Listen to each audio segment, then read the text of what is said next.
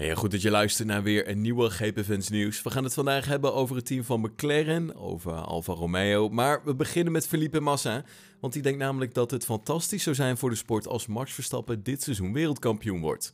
Toch verwacht hij dat we nog wel een tijdje moeten wachten op de ontknoping en dat de strijd pas tijdens het laatste raceweekend beslist zal worden.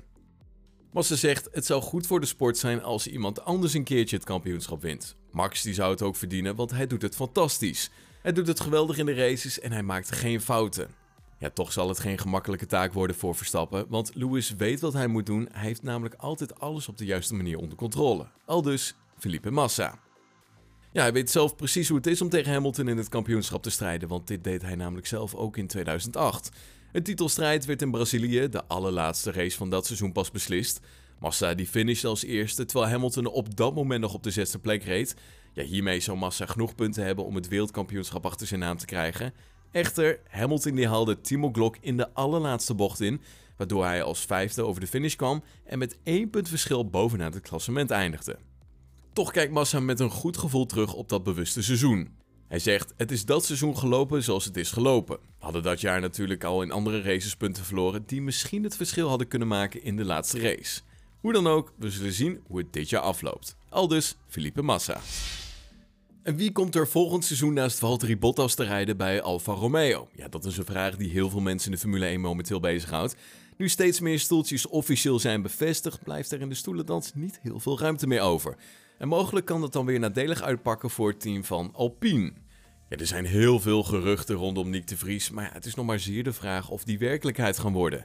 Het lijkt er eerder op dat Alfa Romeo kiest voor een nieuw talent uit de Formule 2. Naar verluidt zijn Guan Yu Zhou en Oscar Piastri beide in de race voor een stoeltje bij Alfa Romeo. En daar doet zich echter wel een probleem voor, want beide coureurs zitten namelijk in de Driver Academy van Alpine. En dan krijg je mogelijk eenzelfde situatie als Albon die naar Williams gaat. Een team stopt heel veel geld en tijd in de ontwikkeling van een coureur om hem vervolgens te zien vertrekken naar een andere renstal. Markin Bakowski, de teambaas van Alpine, die lijkt daarom enigszins met zijn handen in zijn haar te zitten.